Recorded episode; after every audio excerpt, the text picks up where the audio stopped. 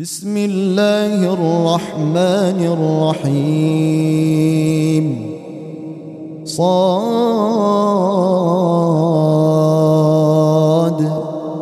والقرآن ذي الذكر. بل الذين كفروا في عزة وشقاق.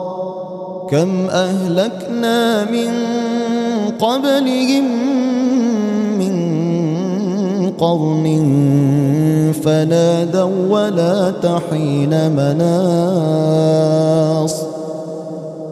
وعجبوا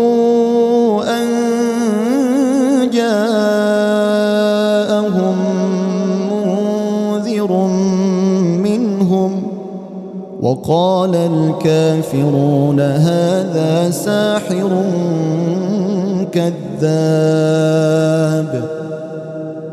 أجعل الآلهة إلها واحدا.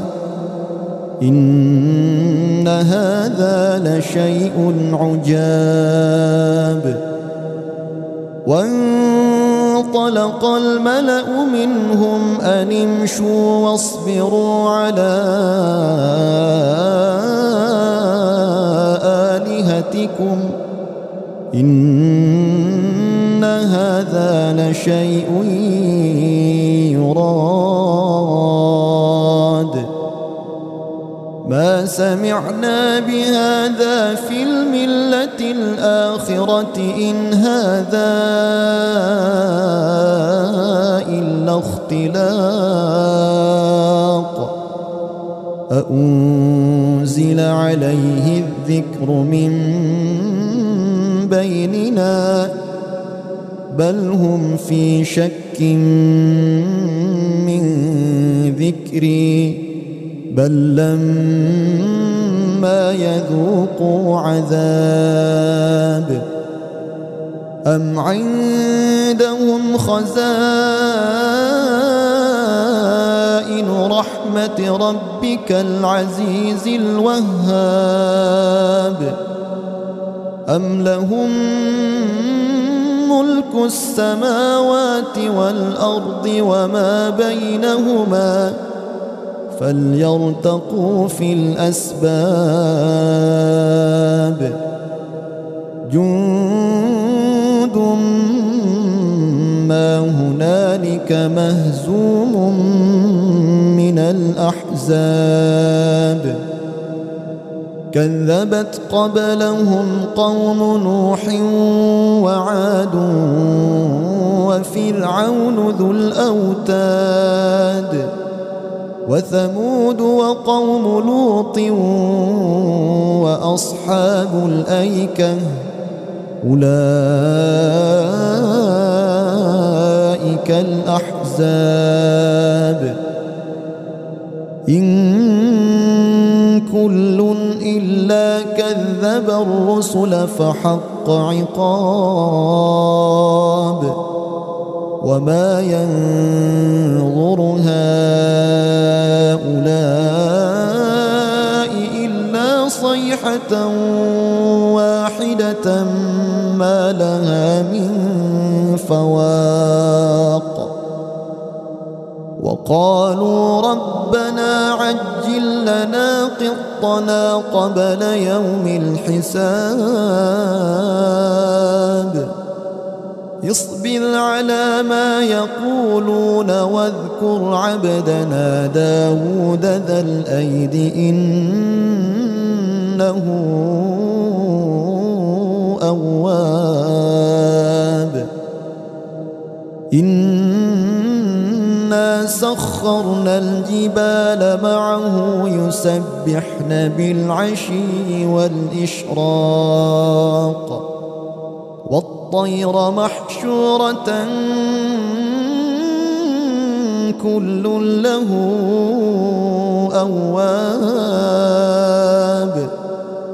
وشددنا ملكه وآتيناه الحكمة وفصل الخطاب.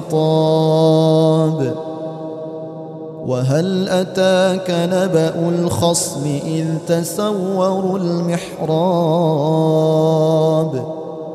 إذ دخلوا على داود ففزع منهم قالوا لا تخف. قالوا لا تخف خصمان بغى بعضنا على بعض فاحكم بيننا بالحق فاحكم بيننا بالحق ولا تشطط واهدنا إلى سواء الصراط. إن هذا أخي له تسع وتسعون نعجة ولي نعجة واحدة ولي نعجة واحدة فقال أكفلنيها وعزني في الخطاب قال لقد ظلمك بسؤال نعجتك إلى نعاجه وإن كثيرا من الخلطاء ليبغي بعضهم على بعض إلا الذين آمنوا وعملوا الصالحات. إلا الذين آمنوا وعملوا الصالحات وقليل ما هم وظن داود أن ما فتناه فاستغفر ربه وخر راكعا وأناب فغفرنا له ذلك وإن له عندنا لزلفى وحسن مآب يا داود إنا جعلناك خليفة في الأرض فاحكم بين الناس بالحق ولا تتبع الهوى ولا تتبع الهوى فيضلك عن سبيل الله. إن الذين يضلون عن سبيل الله لهم عذاب شديد بما نسوا يوم الحساب. وما خلقنا السماء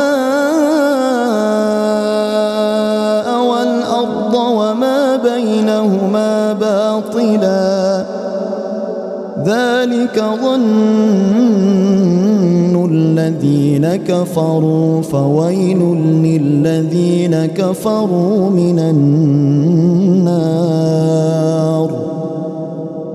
أم نجعل الذين آمنوا وعملوا الصالحات كالمفسدين في الأرض أم نجعل المتقين كالفجار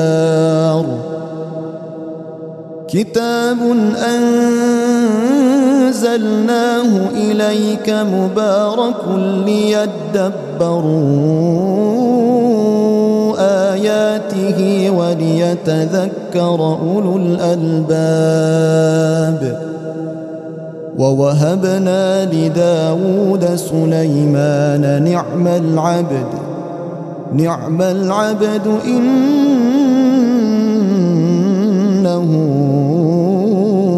أواب. إذ عرض عليه بالعشي الصافنات الجياد فقال إني أحببت حب الخير عن ذكر ربي حتى توارت بالحجاب ردوها علي فطفق مسحا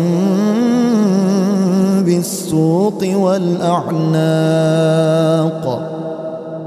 ولقد فتنا سليمان وألقينا على كرسيه جسدا ثم أناب. قال رب اغفر لي وهب لي ملكا لا ينبغي لأحد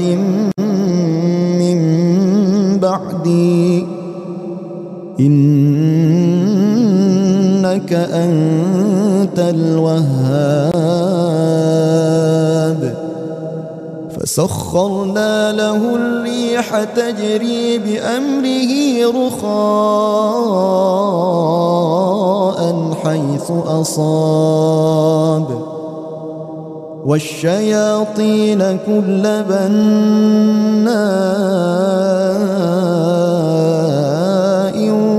وغواص. وآخرين مقرنين في الأصفاد. هذا عطاؤنا أو أمسك بغير حساب. وإن له عندنا لزلفى وحسن مآب. واذكر عبدنا أيوب إذ نادى ربه أني مسني الشيطان بنصب وعذاب. اركض برجلك هذا مغتسل بارد وشراب. ووهبنا له أهله ومثلهم معهم رحمة وذكرى لأولي الألباب وخذ بيدك ضغثا فاضرب به ولا تحنث. إنا وجدناه صابرا. نعم العبد إنه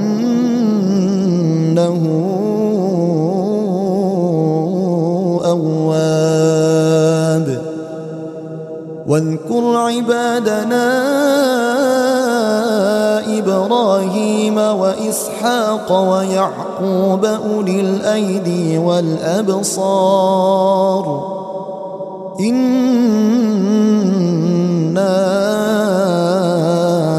أخلصناهم بخالصة ذكر الدار.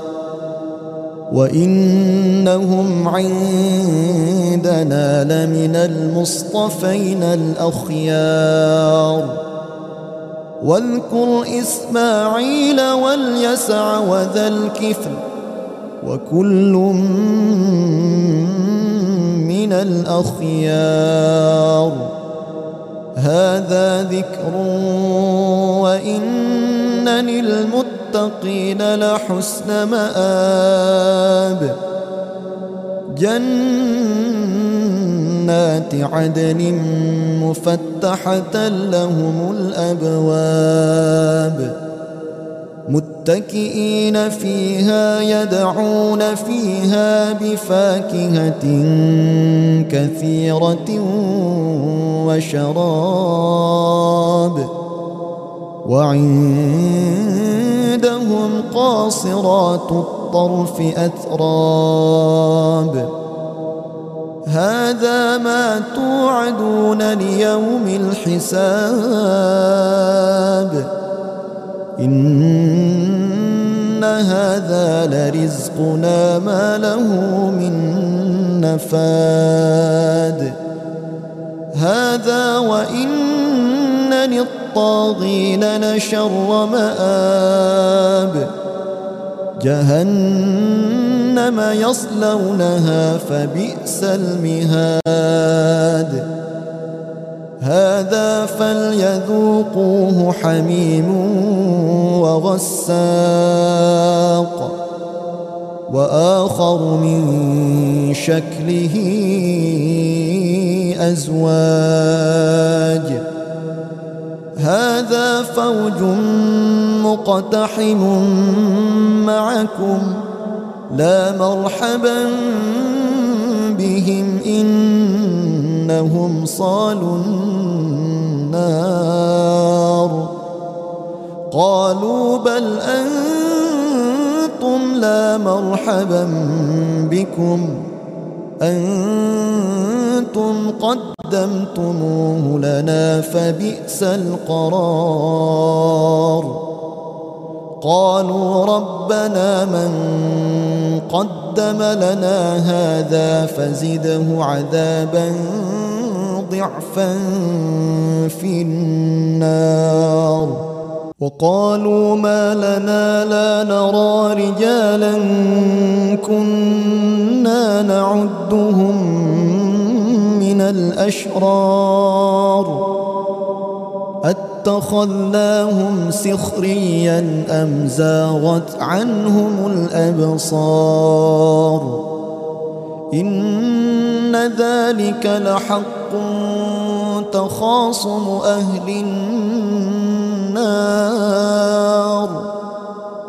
قل إنما أنا منذر وما من إله إلا الله الواحد القهار. رب السماوات والأرض وما بينهما العزيز الغفار. قل هو نبأ عظيم. أنتم عنه معرضون. ما كان لي من علم بالملأ الأعلى إذ يختصمون. إن يوحى إلا أنما أنا نذير مبين. إذ قال ربك للملائكة إني خالق بشرا من طين فإذا سويته ونفخت فيه من روحي فقعوا له ساجدين. فسجد الملائكة كلهم أجمعون. إلا إبليس استكبر وكان من الكافرين. قال يا إبليس ما منعك أن تسجد لما خلقت بيدي؟ أستكبرت أم كنت من العالين؟ قال أنا خير منه خلقتني من نار وخلقته من طين. قال فاخرج منها فإنك رجيم. وإن عليك لعنتي إلى يوم الدين. قال رب فأنظرني إلى يوم يبعثون. قال فإنك من المنظرين إلى يوم الوقت المعلوم قال فبعزتك لأغوينهم أجمعين إلا عبادك منهم المخلصين قال فالحق والحق أقول لأملأن جهنم منك ومن من تبعك منهم أجمعين. قل ما أسألكم عليه من أجر وما أنا من المتكلفين. إن هو إلا ذكر للعالمين. ولتعلمن نبأه بعد حين.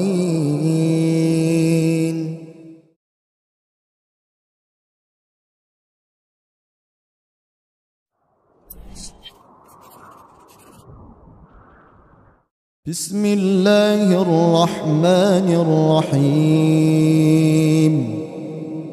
صاد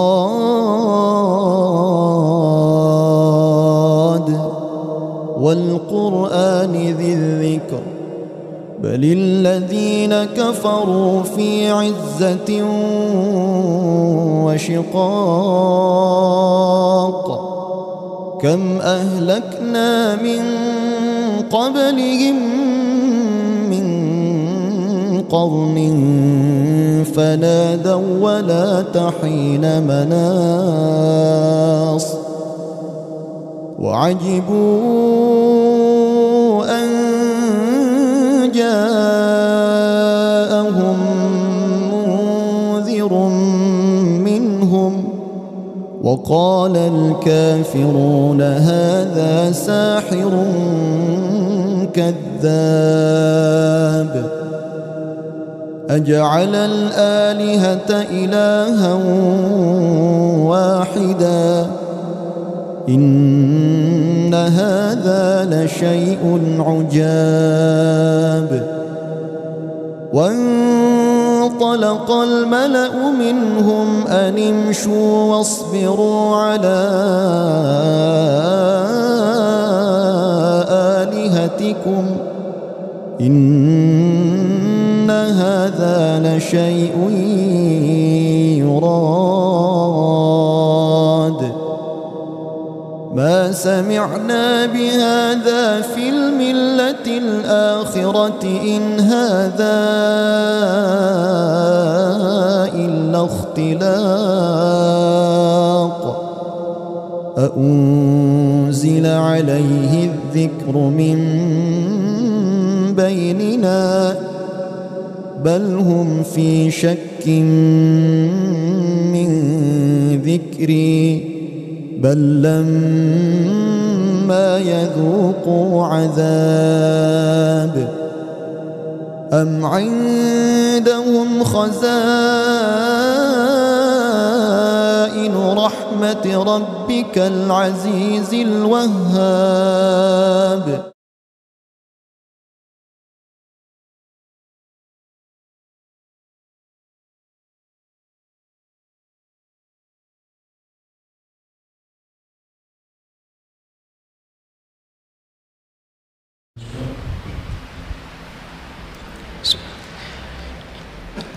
السلام عليكم ورحمة الله وبركاته.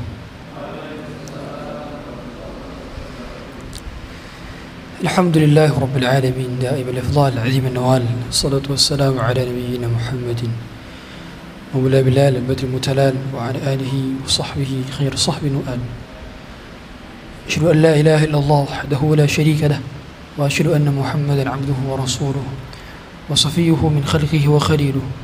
أدى الأمانة وبلغ الرسالة ونصح للأمة وكشف الله به الغمة وجاهد في الله حق جهاده حتى أتاه اليقين. وتركنا على محجة بيضاء. ليلها كنهارها لا يزيغ عنها إلا هالك. اللهم صل وسلم وزد وبارك وهنئ وكرم ومجد على عبدك ورسولك محمد صلى الله عليه وعلى آله وصحبه وسلم.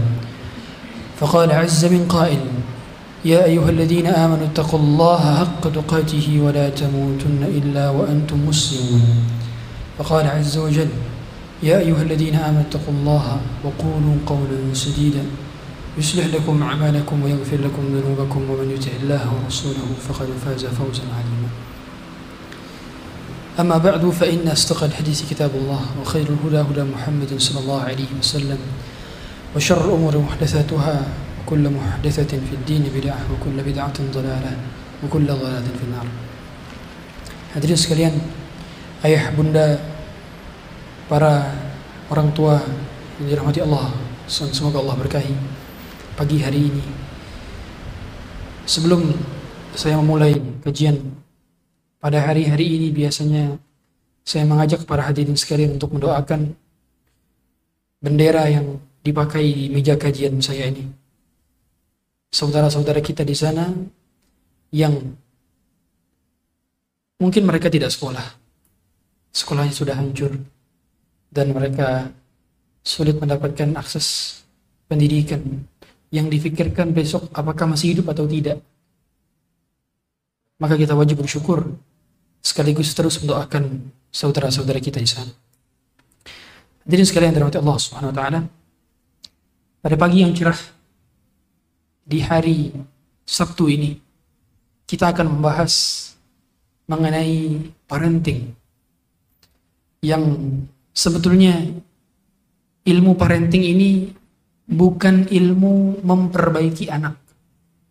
Salah kita keliru kalau kita menganggap bahwa ilmu parenting adalah ilmu tata cara memperbaiki anak. Pada dasarnya ilmu parenting adalah ilmu memperbaiki kita sebagai orang tua dalam diri anak. Karena anak kita tergantung kita. Jadi jangan pernah punya konsep bahwa anak saya gimana caranya berubah tanpa saya berubah. Salah. Ilmu parenting pada dasarnya adalah ilmu yang berkenaan dengan mengubah diri agar anak melihat perubahan kita dan mereka mengikuti kebaikan kita. Sederhana. Dan poin penting yang ingin saya sampaikan sebelum lanjut ke pembahasan-pembahasan teknis. Pada dasarnya hadirin sekalian, dalam ilmu parenting ini, saya sudah banyak baca buku parenting dan saya sudah pelajari dari beberapa narasumber tentang parenting. Dan selama saya belajar ilmu parenting, ternyata tidak ada rumus baku dalam ilmu parenting. Tidak ada rumus baku harus A plus B sama dengan C atau satu tambah satu sama dengan dua. Tidak ada rumus baku. Tidak ada pakem tertentu. Masalah teknisnya. Yang saya lihat, orang tua yang ikhlas mendidik, itulah yang membuahkan hasil bagi anak-anaknya. Ini yang saya pandangan saya selama saya belajar parenting. Bukti nyatanya adalah Nabi Ibrahim. Bukti nyatanya adalah Maryam. Bukti nyatanya adalah Isa. Dan Quran mengabadikan itu semua. Nabi Ibrahim, apakah sering bertemu dengan Nabi Ismail? Tidak. Nabi Ibrahim berada di Syam, Nabi Ismail berada di Mekkah. Pertemuannya hanya beberapa kali saja. Ketika diantar dari Syam ke Mekkah bersama Ibunda Hajar, kemudian ditinggalkan di sisi daripada Baitul Muharram. Kemudian ditinggalkan. Bertemu lagi pas kapan? Bertemu lagi pas sudah mau remaja. Pas bertemu ditawarkan untuk disembelih. Jarang ada interaksi. Tapi barangkali keikhlasan orang tua lah yang membuahkan hasil itu. Maka nasihat saya diri kepada diri saya dan juga kepada hadirin sekalian, ikhlaskan ketika Anda punya anak. Ikhlaskan dalam mendidik anak. Karena ikhlas itulah yang membuahkan hasil. Jangan sampai kita merasa terbebani kalau punya anak. Kita nggak enjoy dan nggak menikmati ketika punya anak. Kalau sehari kita sudah mengelus dada berapa kali nak, nak. perhatikan.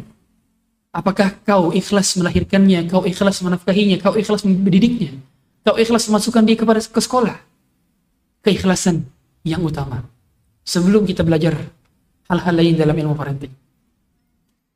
Dan poin yang terpenting dalam ilmu parenting yang kedua, lagi-lagi selain keikhlasan adalah keteladanan. Keteladanan. Oleh karenanya, sejago apa pun, sebagus apa pun diksi orang tua dalam menyuruh anaknya sholat, kalau orang tuanya tidak sholat, maka tidak akan bisa anak-anak kita sholat. Sekuat larangan kita kepada anak, nak jangan ngerokok. Jangan merokok nak. Sambil ngisep maka tidak akan berguna. Nasihat jangan merokok itu kepada anak. Kalau kita menyuruh, nak, makan, duduk, minum pakai tangan kanan.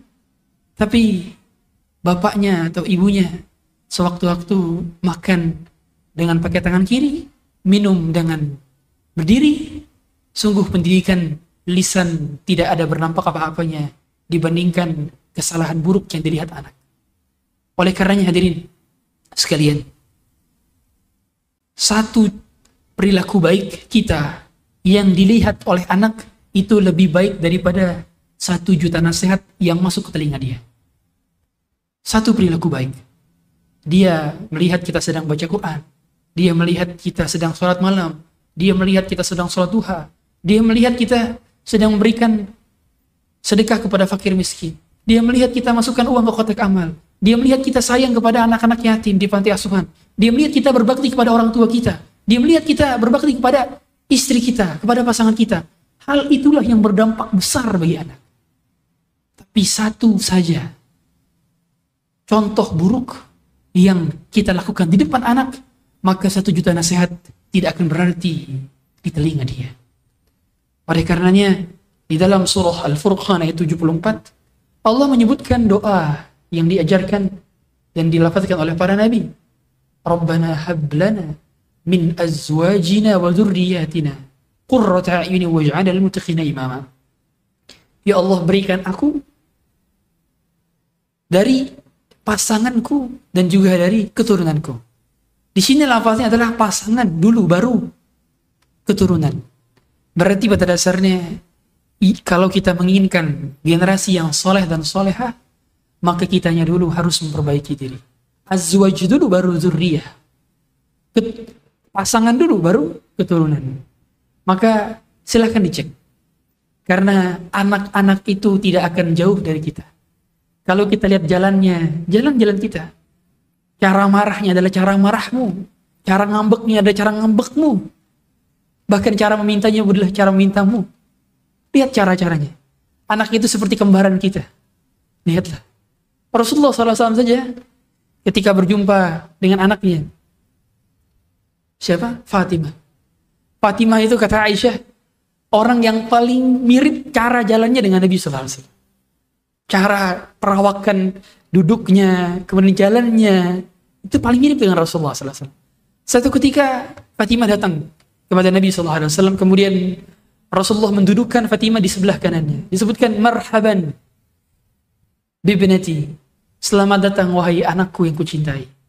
Dengan panggilan lembut dan panggilan hangat seorang ayah kepada anaknya, dia menganggap bahwa ayahnya lah yang paling mencintainya.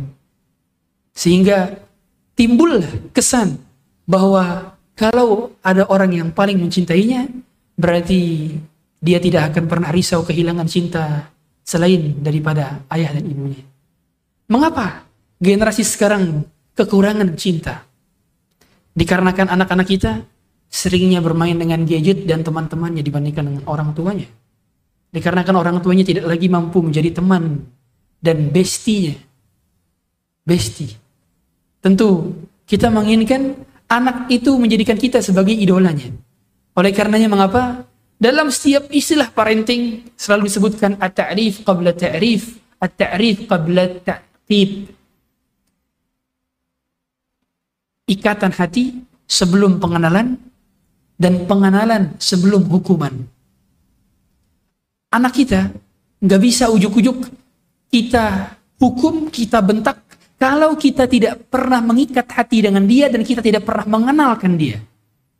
Gak akan pernah bisa. Karena ada, ada tahapannya, ada levelnya. Untuk bisa tahap kita bisa menghukum dan dia ridho dengan hukuman tersebut, kita tegur dan dia ridho dengan teguran kita. Kita nasihati dan dia terima dengan sukacita nasihat kita maka langkah awalnya adalah dengan mengikat hati dia dengan hati kita. Ikat dulu hatinya. Kemudian baru kenalkan, jelaskan alasannya. Baru setelah itu ada hukuman. Kalau kebanyakan orang tua hanya melarang, melarang, melarang saja dan menghukum, menghukum saja, tapi tidak pernah mengikat hatinya dengan hati anaknya, bagaimana mungkin anaknya dapat menerima nasihat dengan lapang dada dan sukacita? Kita tahu Rasulullah SAW dalam hadis riwayat yang mursal tapi memiliki syawahid, memiliki penguat dari jalur-jalur lainnya. Ada seorang sahabat yang barisannya tidak rapi. Ketika hendak peperangan, sahabat sengaja, satu orang sahabat, dia safnya maju ke depan. Kemudian Rasulullah SAW membenarkan saf barisan daripada sahabat tersebut dengan tongkat kecil. Dipukul perut daripada sahabat ini, diluruskan oleh Rasulullah SAW. Apakah sahabat ini marah? Tidak. Ternyata sahabat ini malah mencium perut Rasulullah SAW. Dia menginginkan sebelum mati syahid bertemu kulitnya dengan kulit Rasulullah SAW. Mengapa? Dia dipukul oleh Rasulullah SAW, tapi tidak merasa jengkel dan tidak marah kepada Rasulullah. Karena ternyata yang memukulnya adalah orang yang paling dikaguminya. Karena ternyata yang menghukumnya adalah orang yang paling dicintainya. Seringnya kita menghukum, tapi kita tidak dicintai oleh anak. Kita menasehati, tapi nasihat kita tidak didengar oleh anak. Barangkali karena ikatan hati kita dengan hati dia belum terbentuk. Sehingga jangan sampai mindset pola anak pikir kita, anak kita berpikir bahwa surga bukan lagi di telapak kaki ibu, tapi surga di bawah telapak kaki babysitternya. Iya, dikarenakan wajar saja demikian. Kalau sampai 24 jam yang paling sering dia lihat adalah wajah Upin Ipin, wajah Kokomelon, dan wajah babysitternya. Bukan wajah ayah dan bundanya. Maka pengikatan hati kita dengan anak dimulai dari seringnya wajah kita berhadapan dengan wajah dia. Ketahuilah, sering terjadi pelecehan seksual, kemudian wanita, remaja married by accident atau hamil di luar nikah atau kita lihat juga seks bebas terjadi laki-laki jatuh ke pangkuan lelaki yang tidak terhormat dan tidak bertanggung jawab apa penyebabnya? Biasanya karena kekurangan cinta dari bapaknya. Dia lack of love kekurangan cinta. Dan kekurangan cinta inilah yang terkadang menyebabkan anak itu mudah mendapatkan hatinya ketika dipuji dengan pujaan-pujaan yang sederhana. Apalagi wanita. Sangat mudah luluh hatinya dengan kata-kata. Makanya wanita itu cobaannya di mana? Di telinga. Sedangkan lelaki cobaannya di matanya. Di matanya. Wajar saja ketika Khadijah radhiyallahu taala anha pada saat sebelum menginginkan Rasulullah menjadi partner bisnisnya, Khadijah telah mendengar kabar-kabar bahwa Rasulullah SAW adalah figur yang diberikan al-amin. Seorang yang amanah, profesional, jujur, cerdas, berintegritas. Maka Khadijah langsung mencarikan orang untuk menyampaikan pesan kepada Rasulullah agar Rasulullah SAW menjadi partner bisnisnya. Kemudian pada saat itu disampaikan keinginan Khadijah untuk menjadi pasangan daripada Rasulullah. Karena cobaan wanita memang telinganya. Maka setiap hari sampaikanlah cinta kepada anak-anak kita. Jangan sampai lupa. Ucapkan, wahai nak, abadi cinta kepadamu. Wahai nak, bunda cinta kepadamu. Semoga kecintaan kita melahirkan kembali pertemuan di surga. Begitu. Rasulullah SAW tidak sungkan untuk mengungkapkan cinta kepada cucunya, anak kecil. Satu ketika Hasan digendong di atas pundak Rasulullah SAW. Kemudian Hasan mendengarkan doa Rasulullah SAW. Diperdengarkan doa Rasulullah. Apa doa Rasulullah untuk Hasan? Allahumma inni uhibbuhu fa ahibbah wa ahibba man yuhibbu. Ya Allah, aku mencintainya dan cintailah dia dan cintailah orang yang mencintai dia. Ini ungkapkan ungkapan cinta yang begitu penuh dengan kelembutan, penuh dengan tauhid, penuh dengan kasih sayang. Makanya pengungkapan cinta kita di zaman sekarang saja keliru. Kita kalau bukan cinta hanya sekedar I love you saja. Tapi tidak mengkaitkan cinta dengan Allah SWT. Padahal yang menganugerahkan cinta adalah Allah. Mengapa kita tidak mengkaitkan kecintaan itu kepada Allah? Ya Allah cintailah dia. Karena seandainya sejuta manusia mencintai dia, tapi engkau tidak mencintainya, maka percuma kecintaan sejuta manusia itu. Hanya kecintaan Allah yang berarti. Ketika Allah mencintai seorang hamba, maka Allah meridhoinya. Dan Allah membuat dia beramal soleh, beriman, sehingga dia dimasukkan ke dalam surganya. Tapi seandainya cinta manusia, ditumpuk seluruhnya, tapi Allah tidak mencintainya, maka tidak berguna sama sekali kecintaan makhluk satupun di muka bumi ini kepada kita. Maka, wahai ayahanda dan ibunda, sering-seringlah mengungkapkan pesan cinta kepada anak anda. Sehingga ketika anak anda menangis, yang pertama kali diucapnya adalah nama anda. Tentu Allah subhanahu wa ta'ala yang harus pertama kali di dia. Tapi dia tidak melupakan nama anda. Makanya dalam pendidikan itu dua hal. Jadilah teladan dan tinggalkanlah kenangan. Dua. Anda harus bisa menjadi teladan sekaligus meninggalkan kenangan. Kenangan apa masa-masa di masa kecil anak yang dirasakan oleh anak ketika bersama dengan Anda? Bapak, ibu, ayah, bunda, semuanya di sini. Ketahuilah kehidupan kita terbatas. Umur Anda terbatas, umur saya terbatas. Kita tak akan selalu bersama 24 jam bersama anak. Maka sampaikanlah pesan-pesan yang meneguhkan hatinya. Sehingga ketika kita tidak bersama dia, dia tetap menjadi pribadi yang bertauhid. Dia tetap menjadi pribadi yang unggul. Dia tetap menjadi pribadi yang teguh dalam akidahnya, dalam agamanya, dalam amal solehnya. Oleh karenanya, kalau kita perhatikan, di dalam Quran ada 17 dialog antara orang tua dengan anak. 14 dialog antara ayah dengan anak. Dan dua dialog antara ibu dengan anak. Mengapa nasihat orang tua yang paling banyak dalam Quran justru adalah nasihat bapak kepada anak dibandingkan ibu kepada anak. Ibu cuma dua kali saja. Sedangkan bapak itu 14 kali. Pertama, dikarenakan sudah masyur bahwa anak lebih dominan dekat dengan ibunya sehingga sering mendengarkan nasihat ibunya. Tapi yang kedua, ternyata nasihat yang lebih berkesan untuk anak adalah nasihat bapak. Karena kata-kata Bapak itu dipilih. Dan kata-kata yang keluar di lisan Bapak itu terbatas. Berbeda dengan ibu. Kalau seorang wanita, setiap hari dia butuh mengeluarkan 21 ribu kosakata.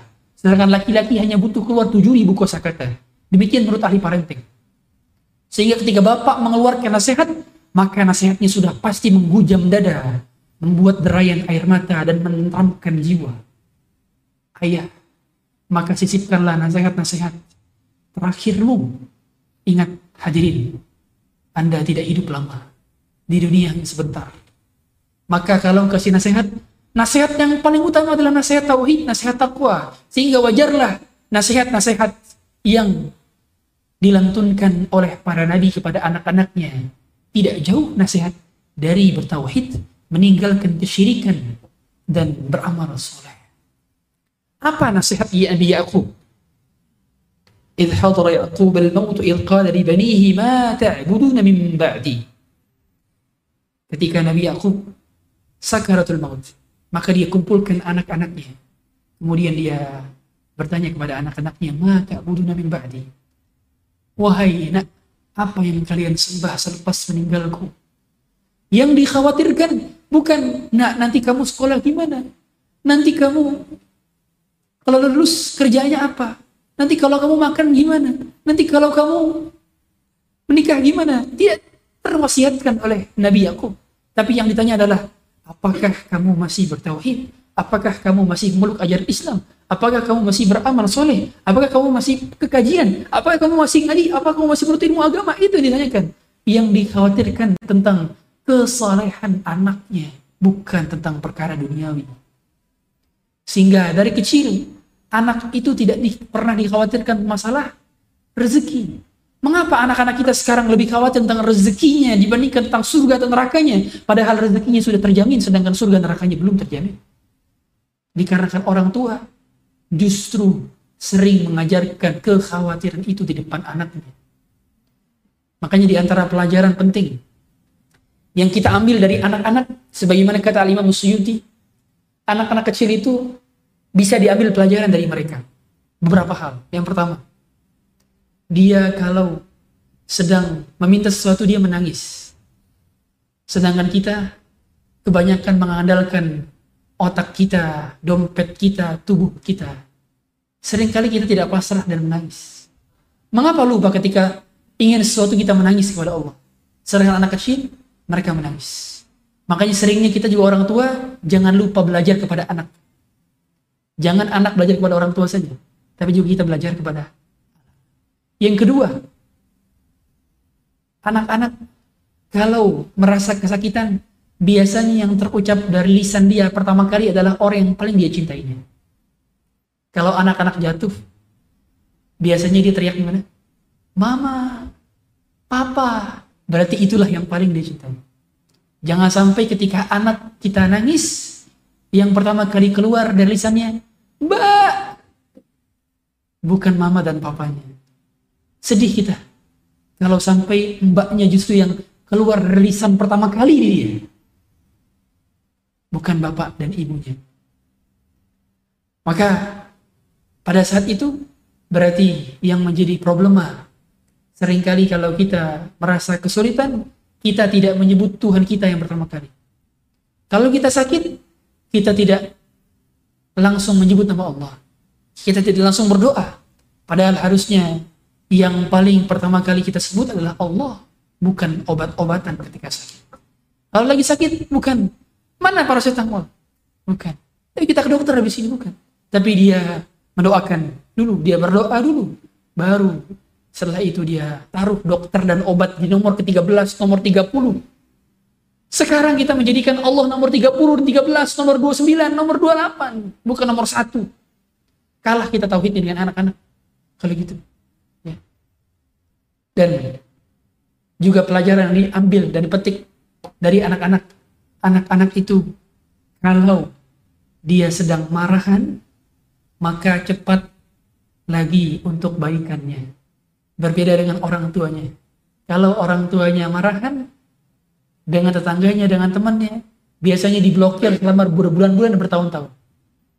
Apalagi tiba-tiba kalau WA pinjam 100. Tentu yang menjadi patokan pada dasarnya makanya adalah bagaimana kita bisa belajar juga kepada anak. Jangan sampai kita mendidik anak terus-terusan tapi kita tidak mau belajar kepada anak. Makanya di antara hal dalam parenting yang penting berikutnya adalah tidak segan minta maaf kepada anak. Tidak segan. Anda ketika meminta kepada anak, berarti Anda sedang mengajarkan bahwa Anda adalah manusia biasa. Anda bukan malaikat yang tidak pernah salah. Anda manusia biasa. Sehingga mengajarkan dia dia juga pada dasarnya untuk minta maaf juga pada dasarnya. Kalau orang tuanya sering-sering minta maaf kepada anak, maka anak akan mudah untuk berminta maaf kepada orang tuanya ketika dia berbuat salah. Ini saya cerita pribadi. Orang tua saya termasuk orang tua yang paling sering minta maaf kepada saya. Padahal saya rasa nggak ada salahnya. Tapi minta maaf. Dan itu membuat saya sering minta maaf. Karena saya sering salah kepada orang tua. Maka pengajaran minta maaf ini harus sering-sering dilakukan. Maafkan ayah, enak ayah pulang terlambat. Maafkan ya, kemarin belum jadi beli. Mohon maaf ya, kemarin nggak jadi jalan-jalan. Maaf ya, nanti belum gini. Katakan minta maaf. Dan yang paling penting lagi jangan membuat janji kalau tidak mau ditepati. Ingat, anak-anak kita juga memiliki perasaan yang sama seperti kita. Jangan sampai kita anggap mereka seperti robot yang ketika dijanjikan sesuatu kemudian bisa dilupakan. Tidak. Memori anak begitu kuat sehingga dia ingat apa janji bapak dan ibunya. Apa promise-promise yang pernah terucap ketika sedang bahagia atau ketika sedang menenangkan anaknya nangis. Nanti mama belikan mainan ya. Nanti ayah ajak jalan-jalan ya ternyata hanya bualan mereka dan tidak pernah ditepati. Maka jangan pernah buat janji ketika bahagia. Dan jangan pernah buat keputusan ketika sedang marah. Dua hal inilah yang menjadikan pada dasarnya kita harus berhati-hati berucap. Dan juga pelajaran berikutnya dalam hal parenting adalah jangan pernah malu dan sungkan untuk bilang tidak tahu ya. Saya nak bapak, bunda, ayah belum tahu nanti nanti tanya dulu ya ke ustadz, nanti tanya dulu ya ke dokter, nanti tanya dulu ke guru. Ketika kita ditanya suatu permasalahan dan kita nggak bisa jawab. Karena anak-anak kita itu kritis sekali. Mungkin bapak-bapak ibu sekalian di sini, hadirin sekalian, sering dapat pertanyaan yang nyeleneh dari anak kita. Apalagi usia-usia TK biasanya ya, atau usia-usia 3 tahun, 4 tahun, itu sudah sering dikit-dikit, ini apa? Ini apa, Ma? Ini apa, Pak? Nah, sering nanya gitu. Pertama kita harus sabar menjawab setiap pertanyaan tersebut kalau kita mampu menjawab. Tapi pada perkara-perkara yang kita tidak mampu menjawabnya, maka kita tidak perlu sungkan untuk bilang, ayah belum tahu, bunda belum tahu, nanti kita cari bersama-sama ya. Jadi dengan pelajaran semacam ini kita berarti menumbuhkan curiosity dari dia. Sehingga anak itu menjadi, oh berarti kita memang terlahir tidak tahu. Berarti kita harus belajar terus. Kita harus ada self-learning. Dia nanti pace-nya belajarnya juga akan jadi belajar self-learning. Dan dia akan belajar dari sekitar dia. Dan dia nggak malu juga untuk mengungkapkan tidak tahu. Ingat, mengucapkan tidak tahu itu adalah sebuah ilmu. Makanya para ulama itu tulis di bab-bab kitab mereka babun al-ahammiyatu fi qawli la adri. Bab berkenaan dengan ucapan tidak tahu. Al-Imam Malik dulu ditanya 40 soal pertanyaan. 36 soal yang dia ditanyakan dibilang la adri. Cuma jawab 4 soal doang. Dari 40 pertanyaan. Tidak ada kata malu untuk menjawab tidak tahu. Sehingga wahai orang tua, Katakanlah tidak tahu ketika Anda memang tidak tahu. Saya pernah dengar satu cerita dari salah seorang ustadz. Dia punya teman. Ya. Itu anaknya sholat Jumat. Anaknya sholat Jumat bareng, bareng dia. Satu ketika, anaknya nanya pas pulang sholat Jumat. Abi, Allah itu sholat Jumatnya di mana? Coba gimana kita jawab lagi gitu? Bingung kan? Bingung. Ya. Bingung, pasti bingung. Makanya pertanyaan-pertanyaan anak itu unexpected nih. Gak pernah terekspektasikan kadang-kadang. Loh, kok nanya begini? Kadang-kadang kita nggak equip dengan jawaban-jawaban dari anak-anak, apa jawaban yang diekspektasikan. Maka lagi-lagi, yang belajar itu bukan anak saja, tapi orang tua juga butuh belajar. Jangan sampai anak belajar kitab tauhid, usul salasah, qawaidul arba sedangkan ayahnya belum sama sekali belajar pelajaran tentang tauhid. Atau ayahnya atau bapaknya atau ibunya masih melakukan kesyirikan, masih baca zodiak, masih percaya primbons, masih percaya Gemini, Taurus, Capricorn, apa lagi? Nah, masih percaya gitu-gituan. Anaknya udah jauh ke langit, bapaknya masih di sumur. Jauh. Makanya kita terus upgrade terus keilmuan kita. Jangan sampai kita tidak bisa mendidik mereka. Karena yang namanya guru harus lebih pandai daripada muridnya. Mengapa dinamakan guru? Karena harus lebih cerdas demikian muridnya. Kita juga harus belajar terus-terusan. Makanya mengapa? Harus ada prinsip bagi ayah bunda sekalian. Ketika kita menitipkan anak ke sekolah, jangan punya pola pikir bahwa sekolah itu dapat 100% mengubah anak kita. Tidak. Inti dari pengubahan itu pertama dari Allah Subhanahu wa taala. Yang kedua, pengubahan itu dari keluarga. Sedangkan sekolah hanyalah complementary-nya saja, pelengkapnya saja.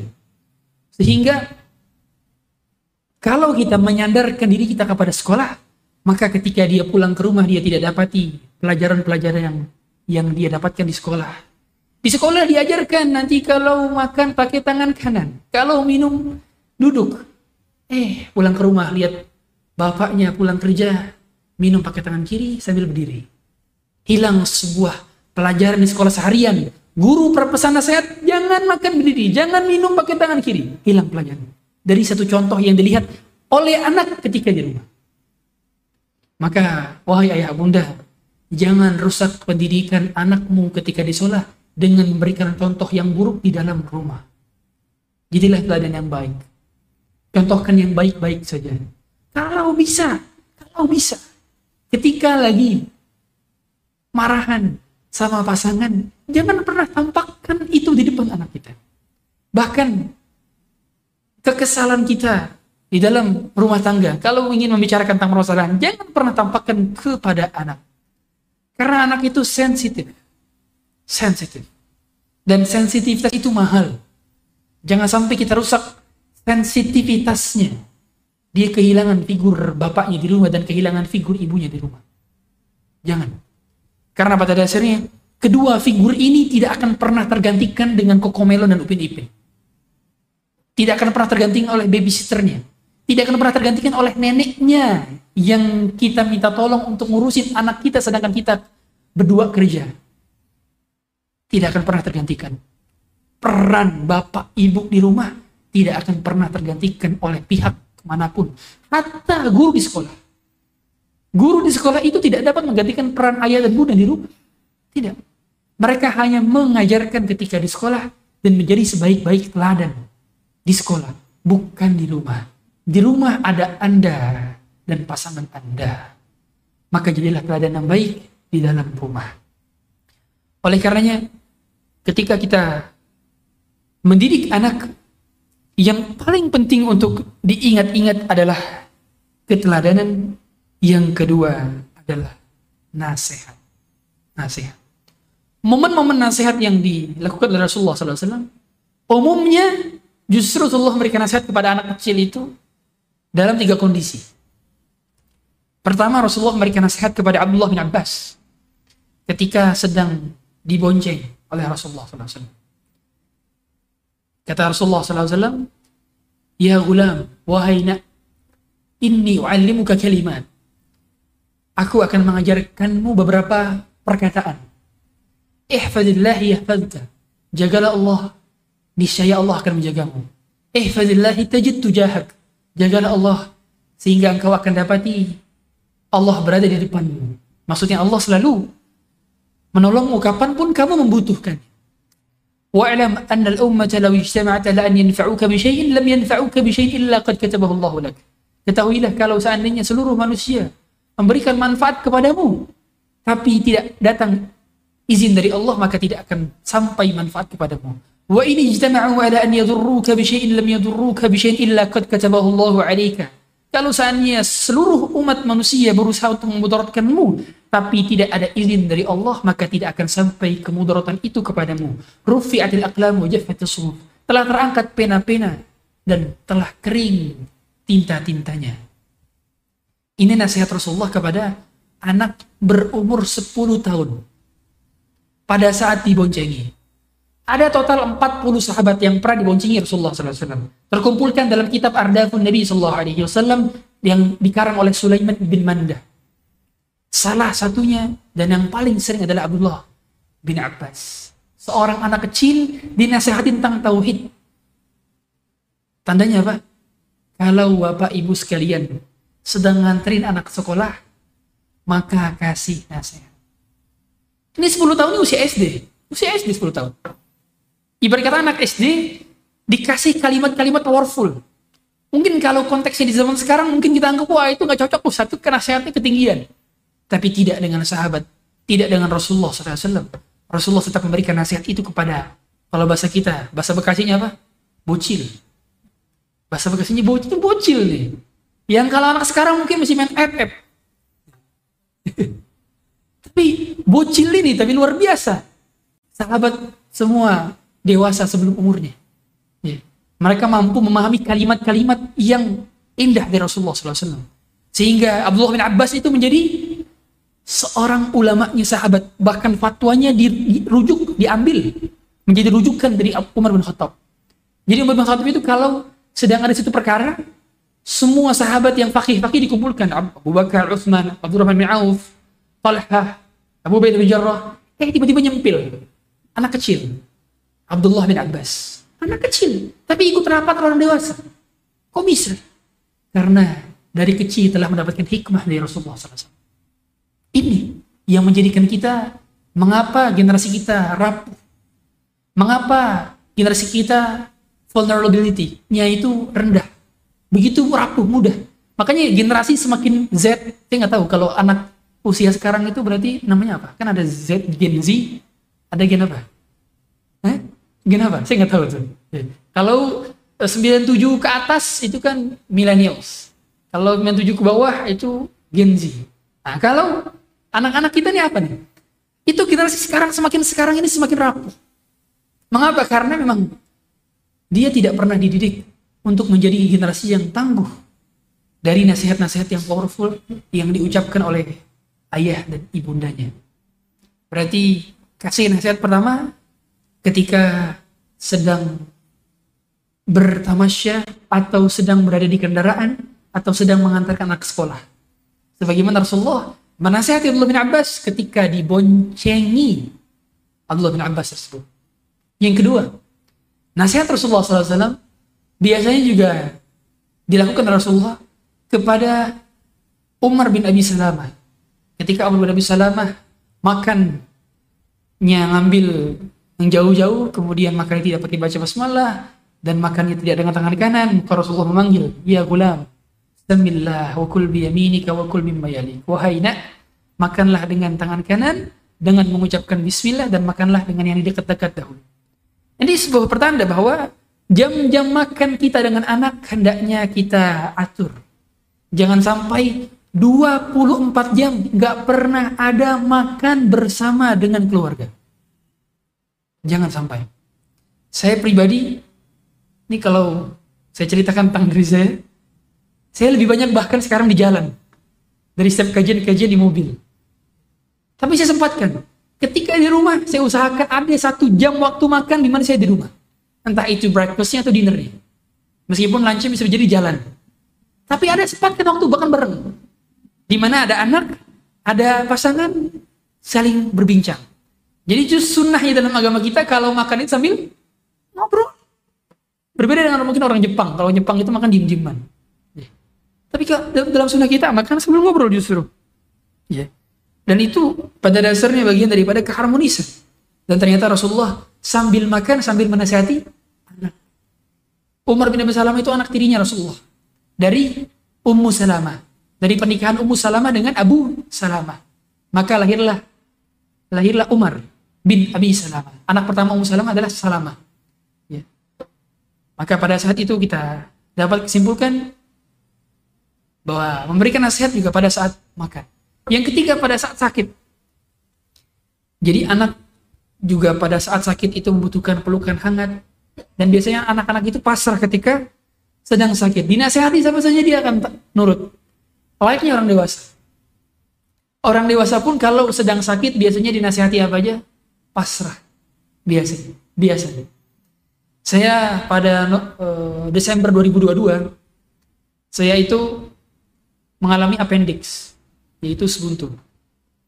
Sebelum itu yang ngerawat saya, itu kan di Kalimantan, dua tahun di Kalimantan. Yang ngurus saya itu jemaah saya, satu jemaah saya, karena saya nggak bawa keluarga di sana LDR, dan saya diurus sama satu jemaah saya, yang setiap pekan ikut kajian saya, setiap pekan itu ikut kajian saya.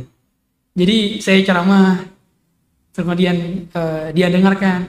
Tiba-tiba pas saya sakit, yang bisa nganter saya ke rumah sakit dan ngurusin saya di rumah sakit, cuman dia. Tahukah? Dari perjalanan saya di Kalimantan itu ke rumah sakit itu 5 jam.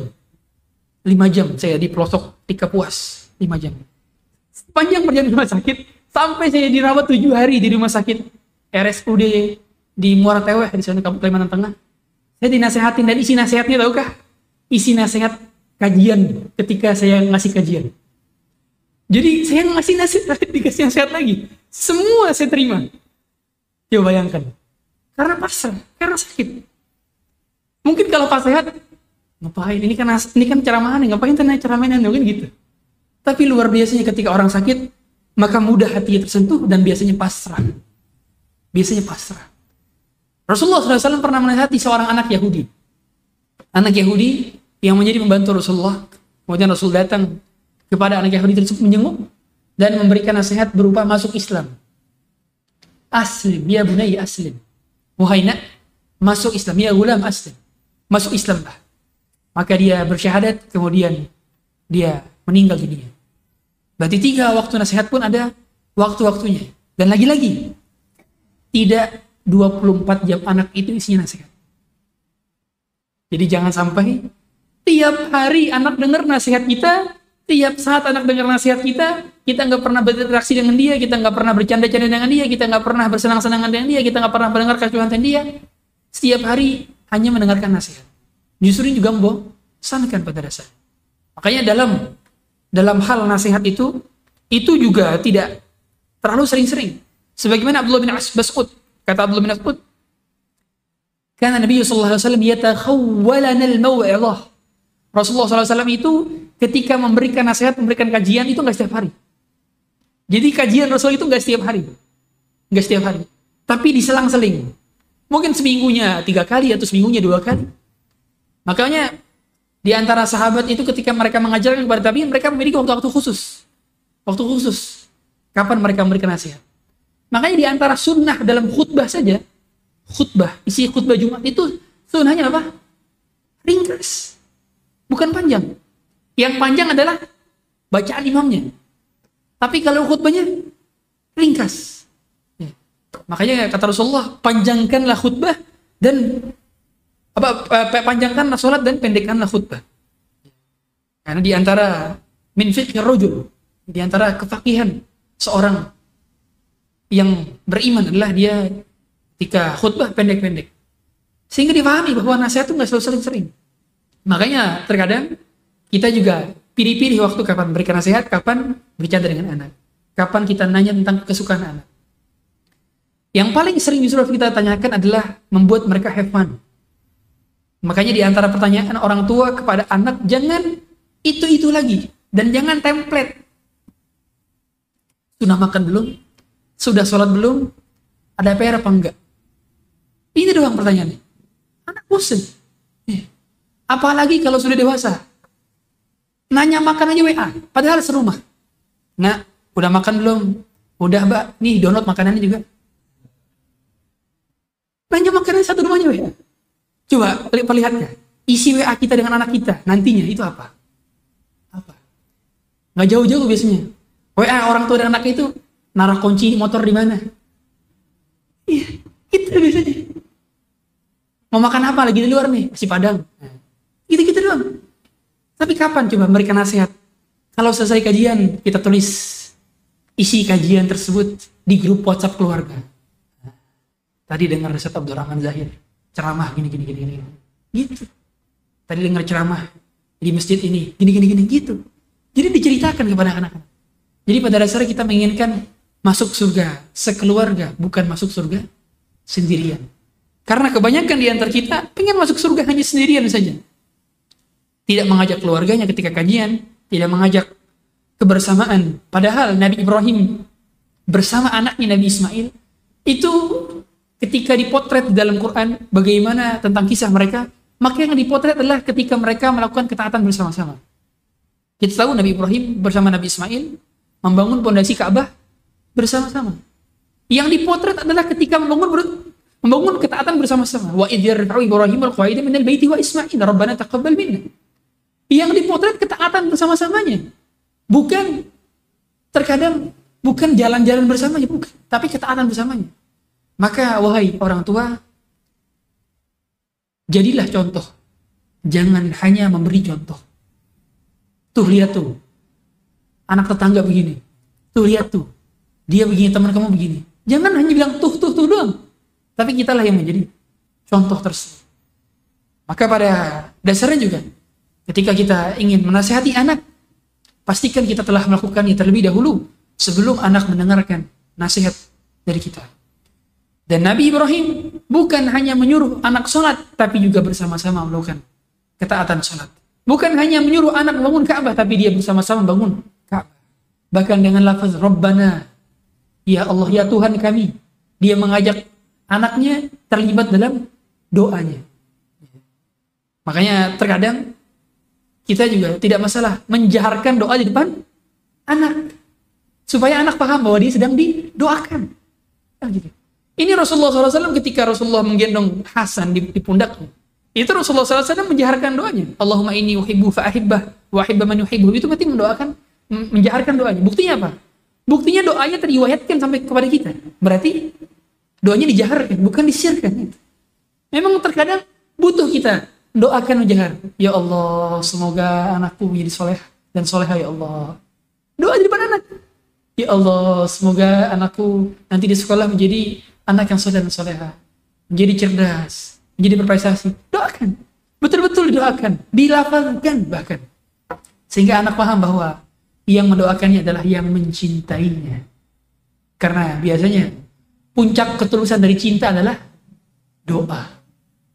Selama hanya mengungkapkan saja, tidak ada doa di dalamnya, pada akhirnya itu adalah cinta yang palsu dan semu.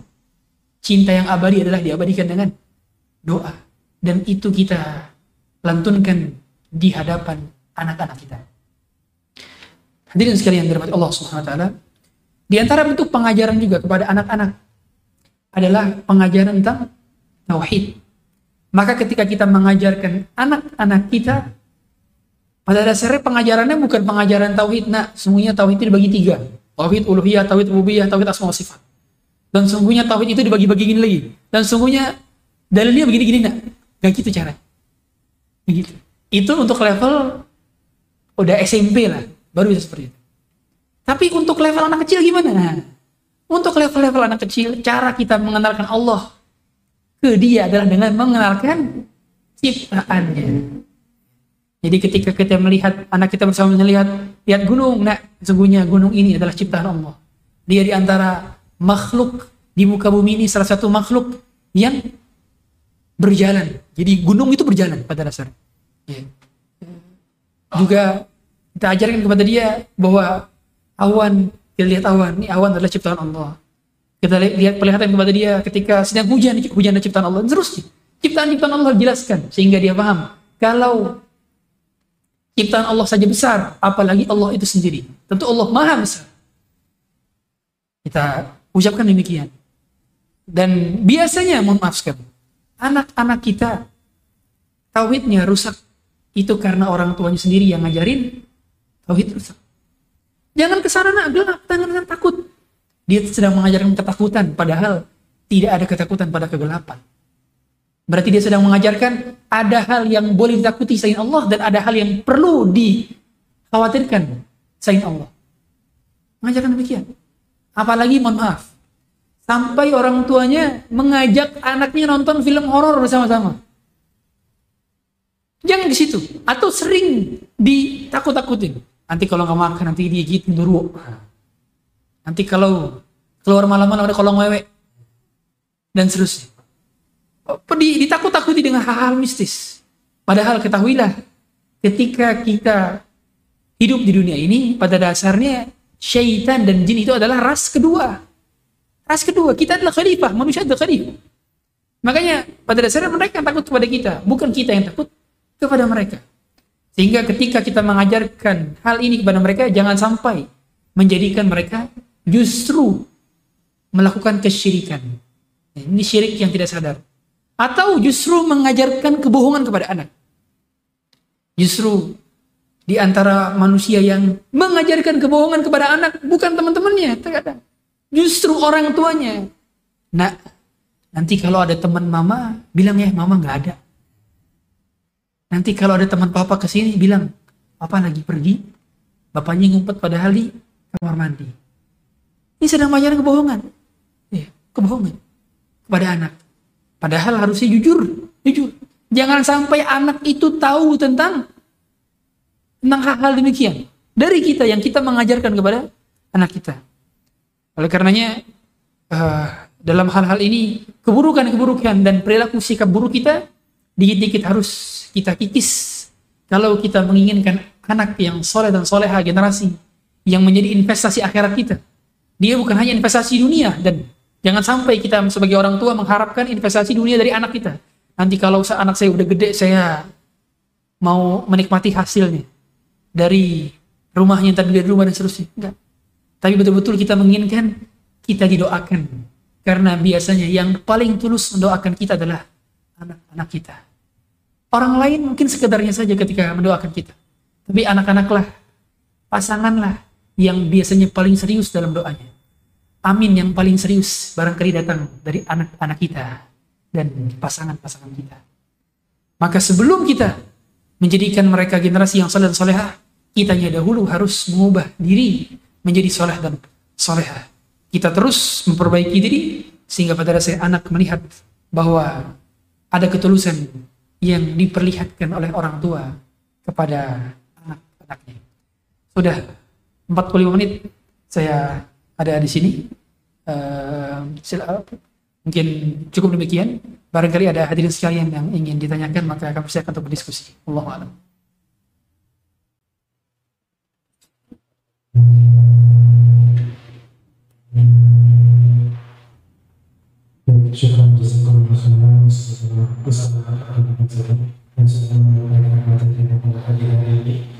Mungkin dari ayat bunda ada yang mau ditanyakan masing-masing dari ayat atau bunda tidak pertanyaan.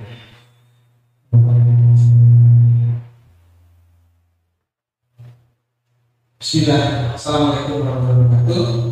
Saya mencatat ada dua poin yang mau saya tanyakan. Ustaz yang pertama berkaitan dengan mengikat hati dengan itu uh, prosesnya boleh dijelaskan maksudnya uh, definisi mengikat hati itu atau hati orang tua yang terikat dengan anak itu seperti apa?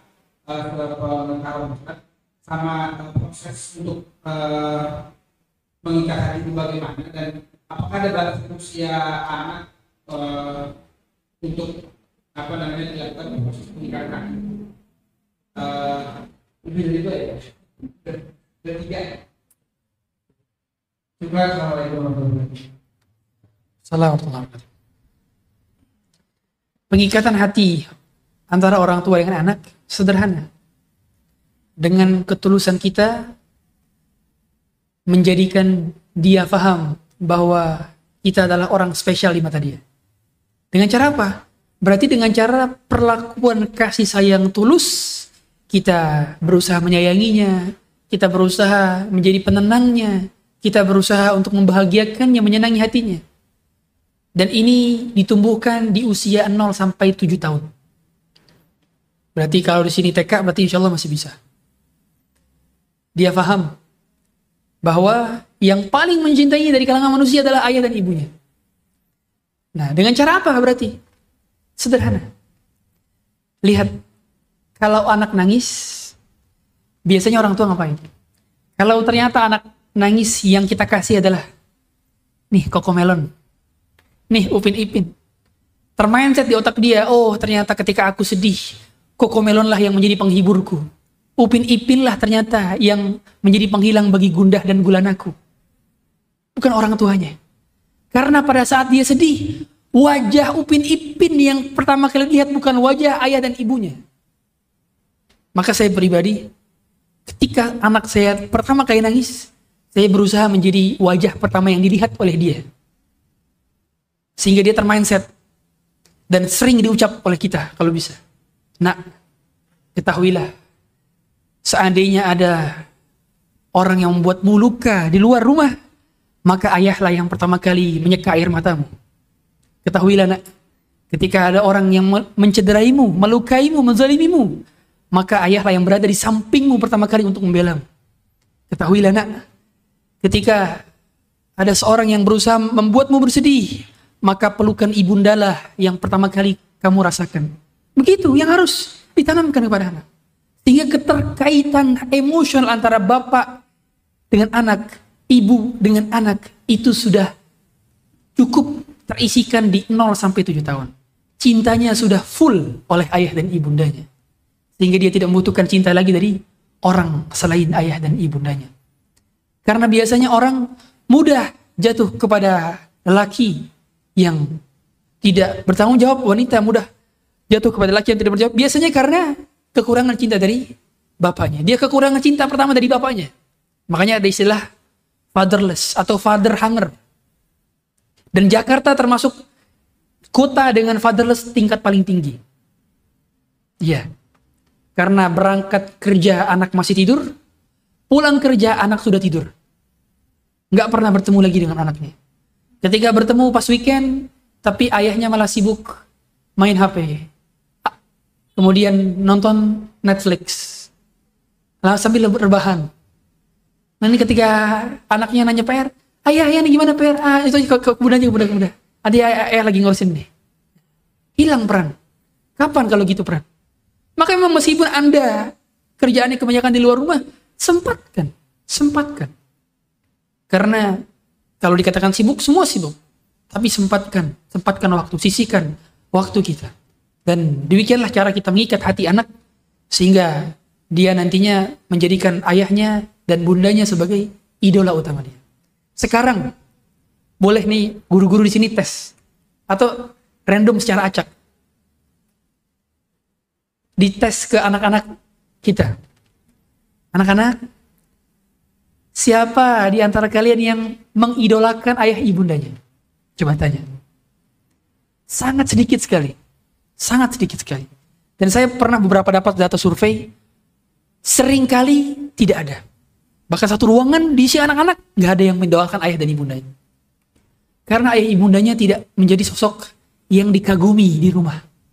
Maka untuk mengikat hati anak berarti untuk apa? Dikagumi. Ketika dikagumi, pendidikan yang dimulai dengan kekaguman antara pihak yang dididik dengan pihak yang mendidik, setengah permasalahan akan terselesaikan dengan mudah. Mengapa nasihat kita sering kali masuk kuping kanan keluar kuping kiri? Dikarenakan nasihat tersebut barangkali datang dari pihak yang tidak dia kagumi. Seandainya ada sosok idola yang dia kagumi, mungkin dia disuruh A akan ikut A, suruh B akan ikut B, karena orang yang kagumi. Maka jadilah mengagumkan di sisi anak-anak Anda. Dengan cara menampakkan kebaikan Anda di hadapan dia, mendoakan dia di hadapan dia, sekaligus juga mencontohkan kebaikan-kebaikan di hadapan dia. Allahu a'lam.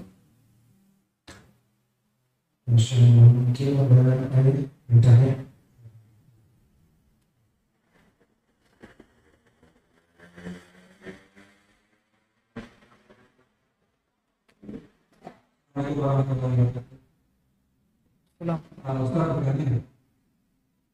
eh, dalam pendidikan seberapa jauh kita menerapkan artian disiplin dalam artian ketegasan jadi kalau penjadwalan ini sudah ada ya kita menerapkan penjadwalan atau sesuatu yang yang kata itu baik dalam bentuk yang tegas. Oh ini sekarang ini sekarang ini ini dan bagaimana? Dari disiplin dan bagaimana? Ketika disiplin tersebut uh, kurang bisa ditegakkan apakah bentuk amalan bisa diterapkan juga boleh atau tidak? Dan seberapa jauh bentuk amalan tersebut bisa disampaikan. Dan dalam bentuk amalan itu boleh disampaikan. Itu. Pertama, cek, cek, cek. Pertama,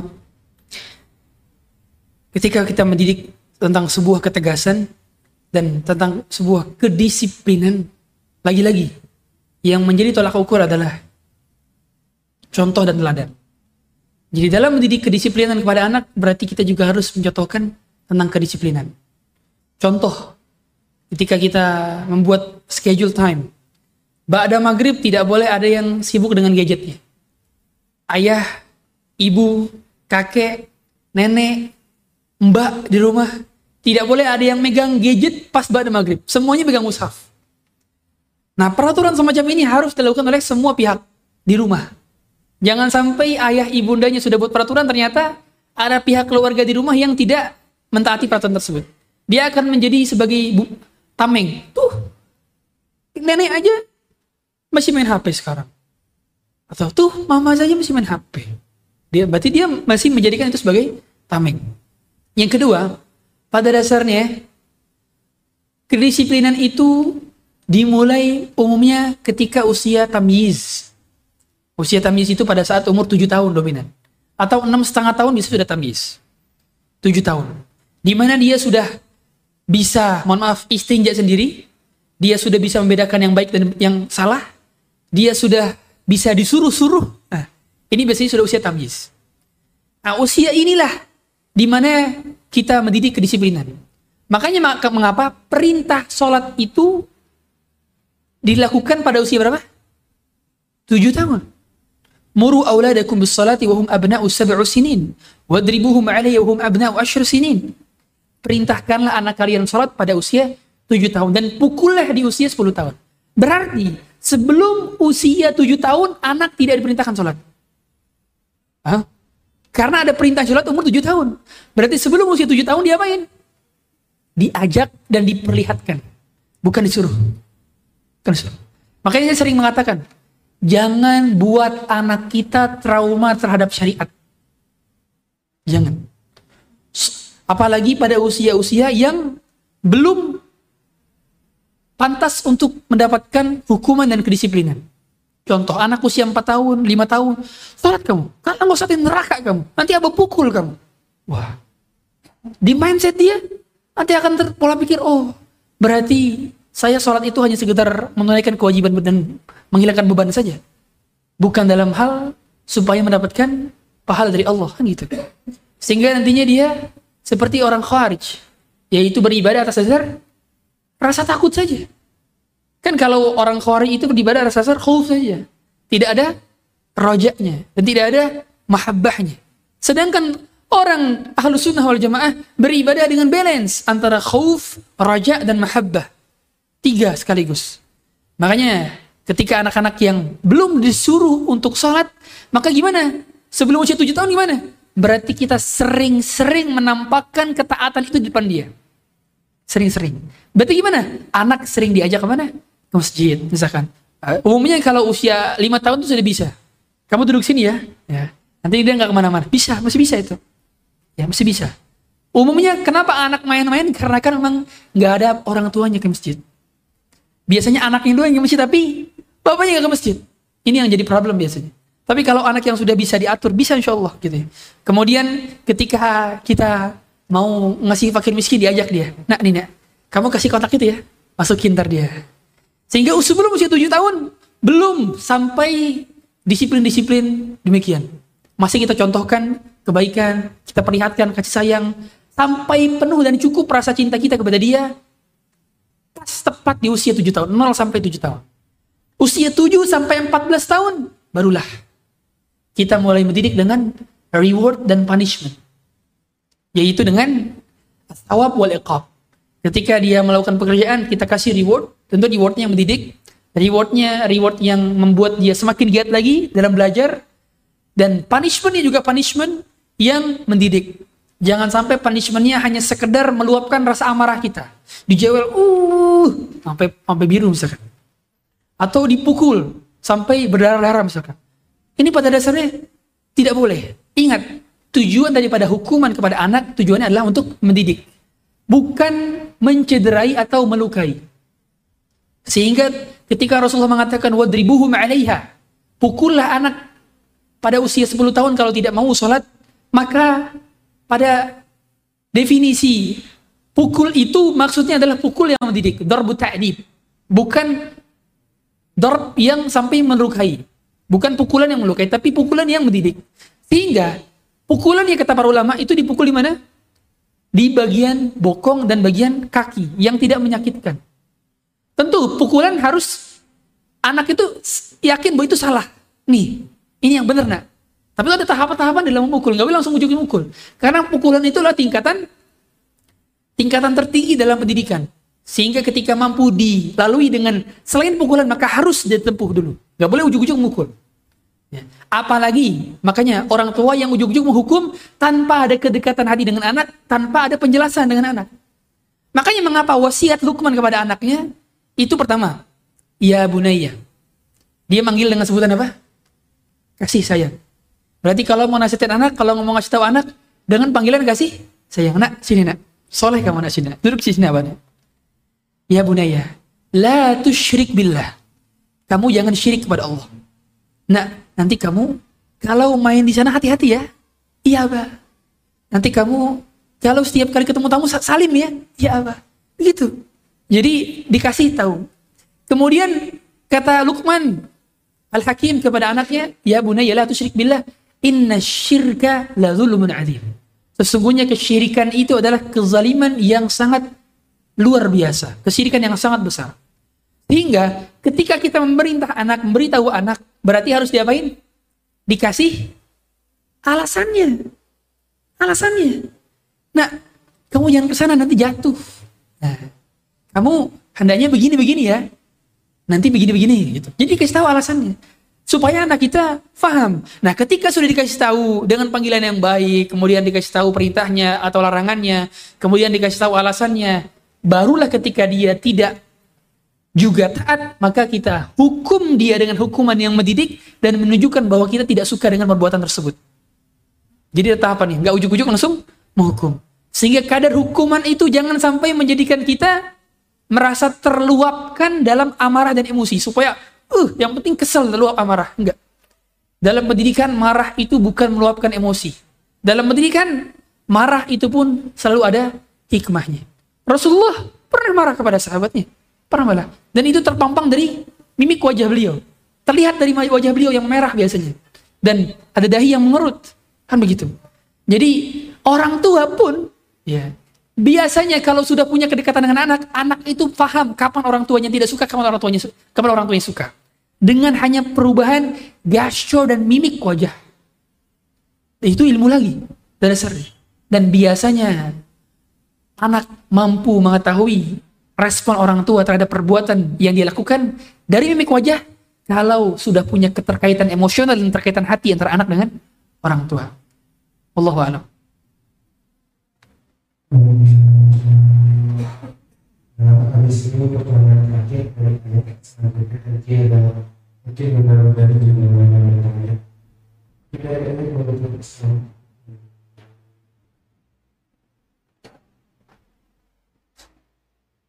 Assalamualaikum warahmatullahi wabarakatuh. Terima kasih Ustaz Malaysia ilmu yang diberikan ya. Nah ini ada satu yang apa yang saya tanyakan ya. Bagaimana kalau uh, umumnya kan orang tua pengen anak itu lebih orang tuanya itu. Nah ini juga bahwa kita harus memberikan toladan gitu. Nah mungkin uh, saran dari itu karena kita kan pengen anak lebih daripada daripada kita dan kita mungkin hanya satu saat untuk pengalaman terima kasih telah pengalaman Oke. Bismillah. Pertama, tidak ada satupun manusia di atas muka bumi ini yang menginginkan kita lebih baik daripada dia kecuali orang tua. Tidak ada. Orang tua selalu menginginkan anaknya lebih baik daripada dirinya. Maka ketika kita menguburkan ayah kita, berarti kita sedang menguburkan seseorang yang selalu menginginkan kita lebih baik daripada dirinya.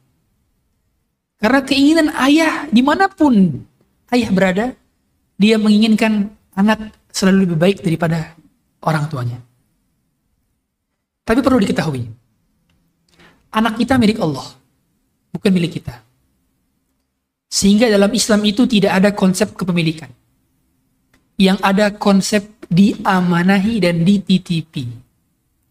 We have but nothing. Seolah-olah kita punya, padahal kita nggak punya. Seolah-olah kita punya anak, padahal hakikatnya anak milik Allah. Seolah-olah kita punya aset, padahal aset punya Allah. Seolah-olah kita punya harta benda, jabatan, pangkat, padahal itu adalah milik Allah. Maka yang perlu kita ketahui, yang dapat mengubah anak kita menjadi soleh atau tidak adalah Allah. Sehingga dominan yang perlu kita terus-terusan kita lakukan adalah berdoa. Berdoa. Oleh karenanya, ketika Nabi Ibrahim berdoa meminta anak, dia tidak hanya meminta anak saja dalam doanya. Apa doanya Ibrahim? Dalam surat As-Saffat, Rabbi habli minas salihin. Dia tidak cukup Robi habli saja ya Allah belikanlah aku anak. Tapi ditambahkan minas salihin, yaitu anak-anak yang soleh. Sehingga jangan hanya minta anak, tapi juga minta anak soleh.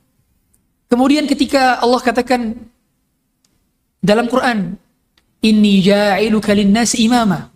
Wahai Ibrahim, aku akan menjadikanmu sebagai imam di muka bumi ini. Memimpin muka bumi ini, pemimpin dalam agama. Maka kata Nabi Ibrahim, Qala wa min dzurriyyati Begitu pula anak keturunanku. Ya Allah. Jadi yang doakan juga sama anak keturunannya. Maka doa yang paling utama yang harus kita lakukan. Karena hadirin sekalian, solehnya anak kita itu bukan karena kecerdasan otak kita dalam mendidik, bukan karena banyaknya uang kita dalam menyekolahkan anak ke international school yang kurikulumnya Cambridge atau kurikulumnya internasional dan seterusnya atau baccalaureate dan seterusnya. Tidak.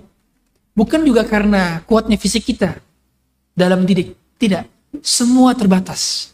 Akal kita terbatas. Fisik kita terbatas. Uang kita terbatas.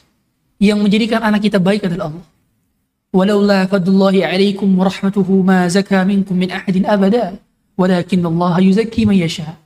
Kalau bukan karena rahmat Allah dan fadilah Allah, niscaya tidak ada satupun di muka bumi ini yang menjadi orang baik. Mengapa ada di antara kita yang menjadi orang baik? Karena Allah menutupi aib kita. Mengapa di antara kita ada yang menjadi orang baik? Karena Allah menjadikan dia baik. Bukan karena usaha dia menjadi orang baik, bukan. Makanya mengapa? Nabi Nuh kurang soleh apa Nabi Nuh? Kurang takwa apa Nabi Nuh? Dia menjadi Nabi, berdakwah 950 tahun, Tiap hari ini da'utu qaumi laila wa nahara. Setiap pagi dan petang, siang dan malam dia berdakwah, mengetuk pintu-pintu orang yang didakwahkannya. Yang hanya dapat 80 orang selama 950 tahun. Berarti setiap 11 tahun cuma dapat satu orang yang masuk Islam. Begitu teguh dakwah Nabi Nuh. Tapi mengapa anaknya Kanaan tidak mau ikut bersama Nabi Nuh? Sampai-sampai Allah katakan, Ya Nuh innahu laysa min ahlika innahu amalun ghairu salih. Wahai Nuh, dia bukan bagian dari keluargamu.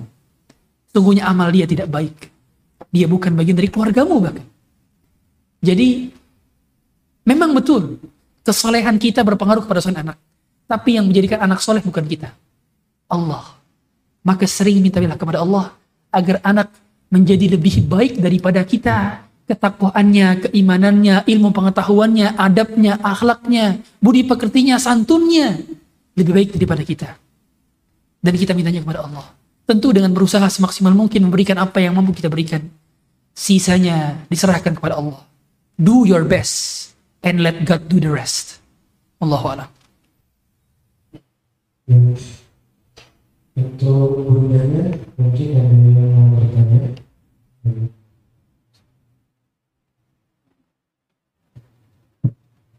Assalamualaikum warahmatullahi wabarakatuh. Ustadz, uh, saya dengan kabarnya yang sebelah itu uh, sekarang sedang berjuang karena kami empat, tiga laki-laki dan yang bungsu perempuan. Range-nya antara 2 sampai 9 tahun, jadi masih kecil-kecil sekarang.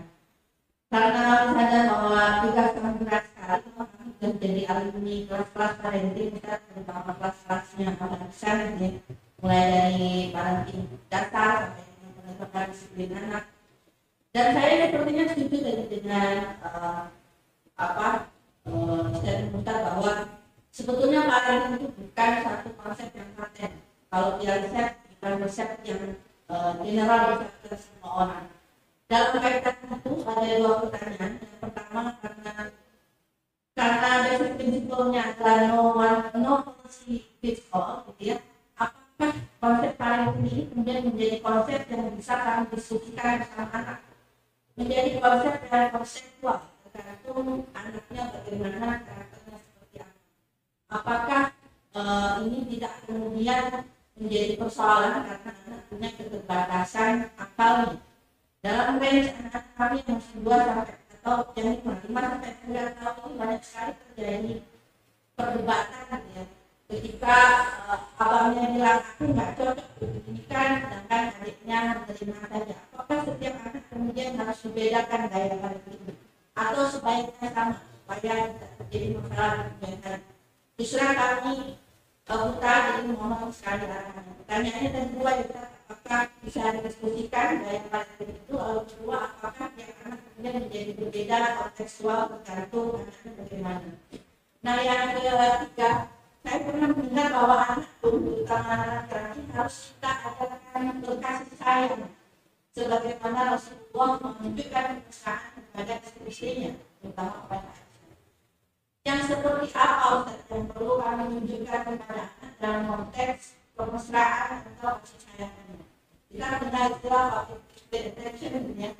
Uh, bermesra-mesra di depan anak apakah hanya omongan saja atau sampai suami mencium uh, punya istrinya supaya mencium ibunya dan lain sebagainya apakah harus seperti itu atau justru dia menunjukkan sayang kepada anak tidak benar atau tidak dianjurkan saya kira dua tiga pertanyaan itu terima kasih Ustaz. Assalamualaikum warahmatullahi wabarakatuh.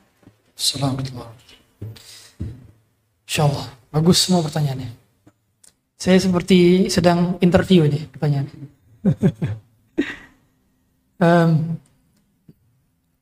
tadi yang pertama, apakah sebetulnya kita boleh membedakan gaya pendidikan parenting kita kepada satu anak yang satu dengan anak yang lainnya?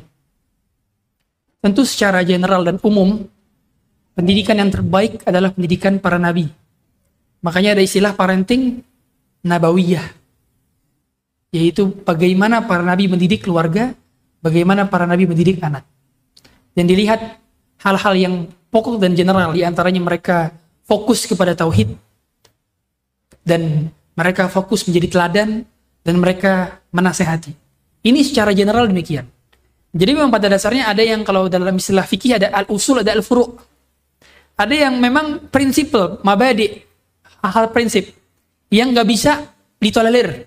Contoh tadi, menjadi teladan, kemudian melakukan ketaatan bersama-sama, kemudian juga menasehati tentang perkara tauhid dan fokus kepada perkara tauhid. Ini kan prinsip prinsip. Semua nabi melakukan demikian. Nasihat Nabi Ibrahim kepada anaknya, nasihat Nabi Yakub kepada anaknya, nasihat Luqman kepada anaknya dan seterusnya. Itu demikian yang dipotret dalam Quran dan juga nabi-nabi uh, Rasulullah ini demikian pada mereka menjadi keluarga. Tapi pada perkara-perkara yang tidak ada penjelasannya dalam agama, yang tidak ada ketentuan dalam agama, yang dikembalikan kepada urf, paham? Dikembalikan kepada urf. Nah inilah yang berbeda, paham? Ini yang berbeda. Contoh, kalau dulu misalkan, dulu misalkan anak-anak uh, mungkin di apa? Di zaman uh, di zaman kita ya mungkin zaman uh, pada saat apa namanya kita waktu masih kecil gitu ya.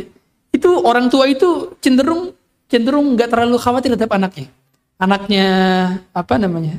Anaknya uh, merasakan ketika berantem saja, bayangkan anaknya bisa udah tunjuk lagi aja gitu kadang-kadang. Tapi beda dengan anak sekarang. Anak sekarang justru cenderung lapor. Kalau karena kalau ditunjuk lagi atau bahkan sekarang saja kalau maaf di di di di Eropa itu kalau anak nyubit orang apa orang tua nyubit anak, anaknya lapor ke polisi. Iya demikian. Dan sekarang-sekarang di sekolah saja itu nggak boleh ada uh, jewer gitu-gitu nggak boleh. Coba lihat tahun 90, tahun 80. Guru rotan, uh, guru ngaji pakai rotan itu sudah biasa, lumrah sekali. Dan ternyata berbeda. Karena tingkat vulnerability-nya beda, tingkat kerapuhannya berbeda. Nah, nah dalam perkara-perkara yang tidak dijelaskan secara apa namanya eksplisit dalam agama, nah inilah tergantung sikon dan kondisi juga pada dasarnya. Makanya dalam istilah kita, istilah agama, al-adatu muhakkamah tradisi, budaya, uruf selama tidak bertentangan dengan syariat itu pun diambil sebagai rujukan hukum. Al-adat itu muhakkamah. Kan gitu. Uh, oleh karenanya pada perkara-perkara yang tadi beda. Antara anak satu dengan anak lainnya beda cara pola pendidikannya. Beda. Technically beda, tapi substansial sama. Paham? Jadi yang beda adalah teknisnya sebetulnya. Secara substansi sama, kita sama-sama mengajarkan kepada tauhid, pentingnya tauhid, pentingnya menjadi teladan, dan pentingnya memberikan nasihat, selesai. Tapi di samping itu ada hal technically, yang terkadang anak tersebut Beda-beda. Ada yang diberikan nasihat langsung taat, ada yang diberikan nasihat harus berkali-kali di ada repetisi, ada yang dia sama sekali nggak mau taat. Nah ini beda-beda cara pendekatannya. Dan lagi-lagi biasanya itu dibutuhkan kedekatan dan juga pengalaman. Ya. Selain daripada itu juga yang paling penting adalah pertolongan dari Allah Subhanahu wa tentu. Ya. Karena lagi-lagi pada dasarnya mendidik itu seni. Sering katakan, mendidik itu seni. Sehingga secara teknisnya itu terkadang butuh enjoy kita. Jangan kita menjadikan itu sebagai sebuah beban, ya, sebuah beban. Tapi betul-betul enjoy dan menikmati proses mendidik. Karena mendidik adalah art. Ya, education is an art. Kemudian pertanyaan kedua tadi apa? Saya lupa ibu. Apa? Kemesraan. Oke, okay, kemesraan di depan anak pak ya. Pada dasarnya begini, kemesraan yang sifatnya lumrah, tidak sampai mohon maaf bercumbu atau sampai terbuka aurat keduanya yang sampai pertontonan yang demikian kita tahu semua, maka itu tidak diperbolehkan. Ya. Dikarenakan jangan sampai anak itu melihat aurat orang tuanya terutama dari pusar sampai lutut ya. Dan sering kali mohon maaf sekali, mohon maaf sekali. Mohon maaf, saya harus sampaikan ini. Banyak pelecehan seksual di sekolah-sekolah dikarenakan anak pada usia tambis masih satu kamar dengan ayah ibundanya. Atau usia 4 tahun, 5 tahun, harusnya dia sudah pisah ranjang. Tapi dia masih satu kamar.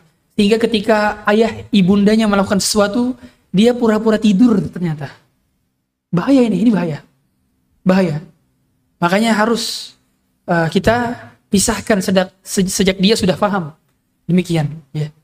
Uh, sehingga kalau hal-hal mesra, sebaiknya ada hal yang normatif. Ucapan kasih sayang, cium kening, kemudian ketika berangkat kerja misalkan istri mencium uh, telapak atau tangan daripada suaminya, hal demikian ditunjukkan. Kemudian peluk kasih itu hal itu yang normal dan wajar saya, saya rasa. Secara umum di Indonesia pun itu wajar gitu ya. Tentu kalau kalau di uh, budaya-budaya luar itu kan biasanya kiss uh, dengan dengan bibir ya. Cuman di budaya Indonesia itu kan cenderung vulgar gitu kan. Sehingga hal semacam ini juga disesuaikan pada dasarnya. Hal-hal yang sekiranya vulgar maka jangan ditampakkan kepada anak. Tapi hal-hal yang tidak vulgar dan itu umum di di, di, di apa namanya? di di keluarga-keluarga kita, maka itu hendaknya ditampakkan dengan ucapan-ucapan manis. Rasulullah itu manggil Aisyah dengan sebutan apa? Ya Humayra. Kemudian dengan apa? Ya Aish. Jadi uh, apa yang namanya tamar butuhnya dihapus. Ya Aish. Ya. Jadi panggilan sayang gitu. Sehingga kalau uh, ayah memanggil ibunda ibunya atau uh, suami memanggil istrinya dengan panggilan sayang, suami istri memanggil suaminya dengan panggilan sayang, ditampakkan kepada anaknya. Sehingga Anak itu tahu peran ayah dan peran ibu seperti apa. Terutama dalam hal, mohon maaf sekali. Ketika seorang anak kita pengen mengajarkan kepada dia tentang leadership, maka harus bapak itu harus sering-sering mengambil keputusan dan ditunjukkan kepada anak. Jangan sampai mohon maaf, mohon maaf. E, misalkan anak nanya, Pak, weekend ini kita jadi gak ke puncak? Terserah mamanya ditanya mama aja. Hmm. Ini secara nggak langsung menjadikan anak menganggap bahwa leadership itu dipegang oleh wanita, oleh ibu. Padahal leadership itu harus di bapak. Jangan sampai makanya bapak apa-apa terserah mama. Apa-apa terserah mama. Hilang kendali. Mana sifat kawamnya? Padahal ar-rijalu kawamun ala nisa. Laki-laki itu adalah pendidik, pengayom, pelindung di iqamatun nizam. Kawam itu ada iqamatun nizam. Yang mana uh, mendudukkan perkara, menjadi hakim ketika ada permasalahan sehingga kedudukannya berwibawa. Sehingga ketika anak ingin diajarkan tentang kewibawaan seorang ayah dan dia menjadi berwibawa, nantinya juga diajarkan tentang bagaimana uh, ibunda mengajarkan untuk hormat dan patuh kepada ayahnya. Nanti ya nak, kita nanti minta izin sama ayah ya. Dia tahu berarti, oh berarti ayahnya itu memiliki jiwa leadership. Gitu. Dan itu ibundanya mengajarkan ya berarti kan. Uh, kemudian yang terakhir tadi apa? Saya lupa yang terakhir. Kan ada tiga kan?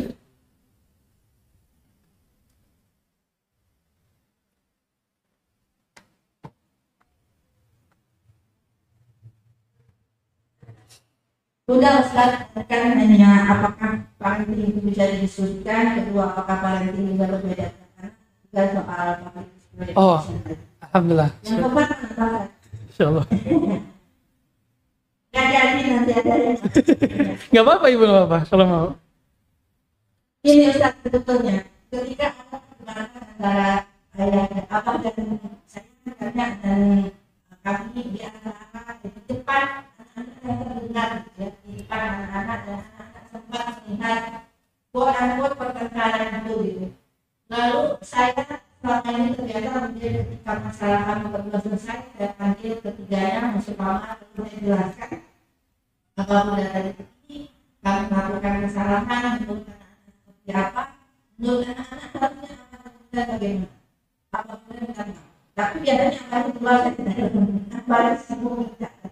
tapi bisa tidak kalau kalau eh, berdebat terus gitu loh kita nggak bisa ini nah apakah yang kami lakukan ini sudah benar karena kemudian anak-anak itu menjadi berani mengungkapkan pendapatnya.